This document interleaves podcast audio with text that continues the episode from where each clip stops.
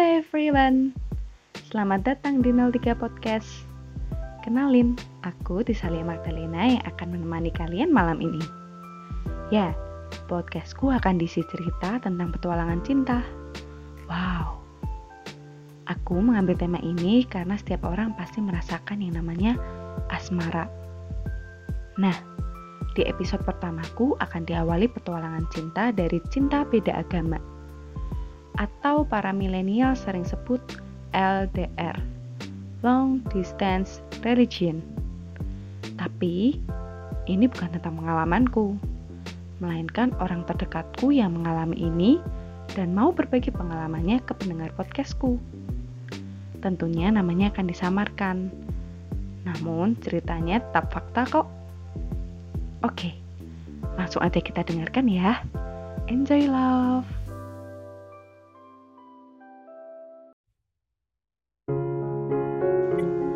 Hai, aku ada cerita tentang cinta beda agama. Mungkin aku sedikit tidak beruntung dalam hal ini. Sebelum aku lanjut ceritanya, perkenalkan, namaku Oni.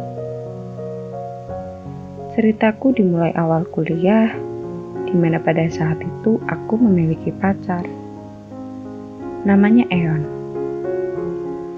Kami beda universitas, tetapi masih satu kota. Aku sangat sayang sama Eon. Sampai suatu hari aku tahu Eon selingkuh. Dan akhirnya kami pun berpisah. Karena aku terlalu sayang dengan Eon, aku sedikit depresi hingga terbesit dalam pikirku untuk mengakhiri hidupku. Tapi Tuhan masih ingin aku di bumi ini. Dan akhirnya aku bertemu dengan teman-teman dekatku. Aku pun mulai dekat dengan salah satu dari teman-temanku. Namanya Distra. Bermula dari pulang bareng, cerita ini itu. Dan akhirnya kami pun pacaran. Banyak yang tidak setuju dengan hubungan kami. Ya, karena kami berbeda agama. Ketika Assalamualaikum dibalas dengan Shalom. Tahun pertama dan tahun kedua kami berpacaran tidak ada masalah Sampai di tahun ketiga, kami mulai sering bertengkar hebat. Bermula, kami yang jarang bertemu karena kami sibuk dengan kegiatan kami masing-masing. Sampai akhirnya, sewaktu aku KKN, Distra semakin posesif dan selalu mempermasalahkan hal-hal kecil yang sebenarnya itu nggak perlu dipermasalahin. Setelah aku pulang dari KKN, aku mulai merasa ada yang aneh dengan Distra.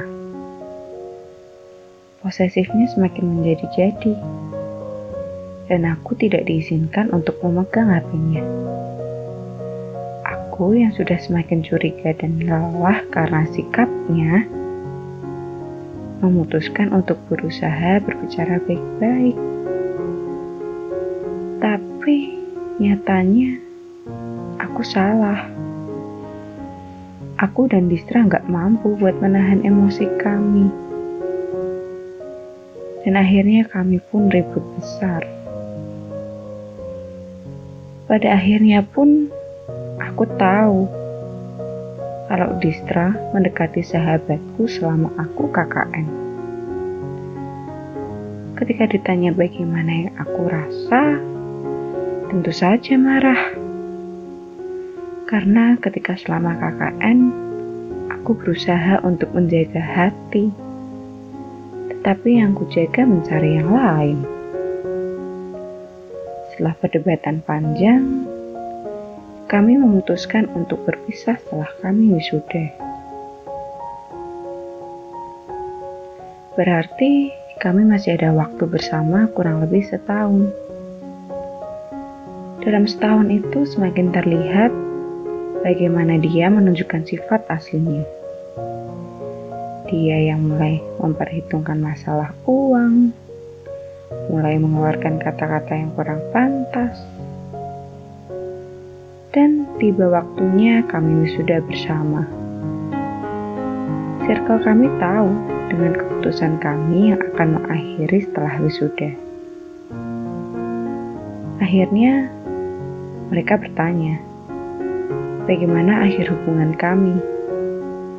Karena sudah lebih dari sebulan dari kami wisuda, kami tak kunjung memberi kejelasan.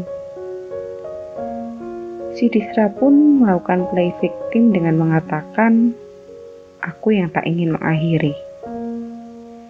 Padahal, aku pun sedang menunggu dia memberi keputusan akhir. Karena dia yang memulai, jadi dia pun yang harus mengakhiri.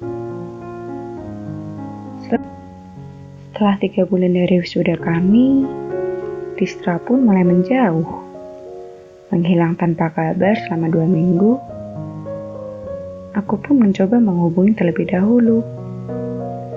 Dan setelah aku tanya ke mana dan kenapa dia menghilang, lagi-lagi dia play victim. Karena aku sudah lelah dan memang hubungan kami tak ada ujungnya, aku meminta untuk mengakhiri. Tapi Distra tidak ingin mengakhiri dengan alasan seperti ini. Setelah perdebatan yang cukup panjang, kami pun sepakat untuk mengakhiri hubungan kami.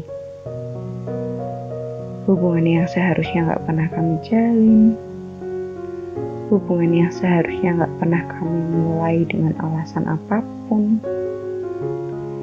Karena memang kami nggak pernah ada ujungnya. Kami yang sama-sama mempertahankan agama kami, dan kami pun gak menginginkan untuk pindah keyakinan hanya demi kami. Dan setelah putus dengan Distra, akhirnya dia pun menjauh dari circle pertemananku. Dan dia tetap terus mendekati sahabatku. Kesannya mencintai seseorang yang berbeda agama itu rasanya lebih menantang sih. Tapi, apakah akan tetap mengorbankan Tuhan yang selama ini baik denganmu demi seseorang yang baru kamu kenal? Aku harap semoga kisah cinta kalian lebih menyenangkan ya. Terima kasih sudah mendengarkan kisahku. Salam hangat dari aku, Oni, yang mengalami cinta beda agama.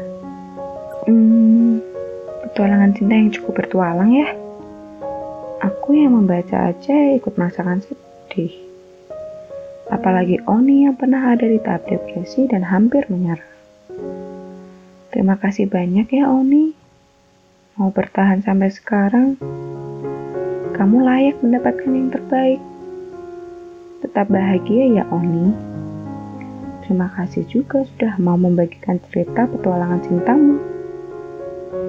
Dan untuk teman-teman pendengarku, terima kasih ya sudah mendengarkan petualangan cinta ini sampai akhir.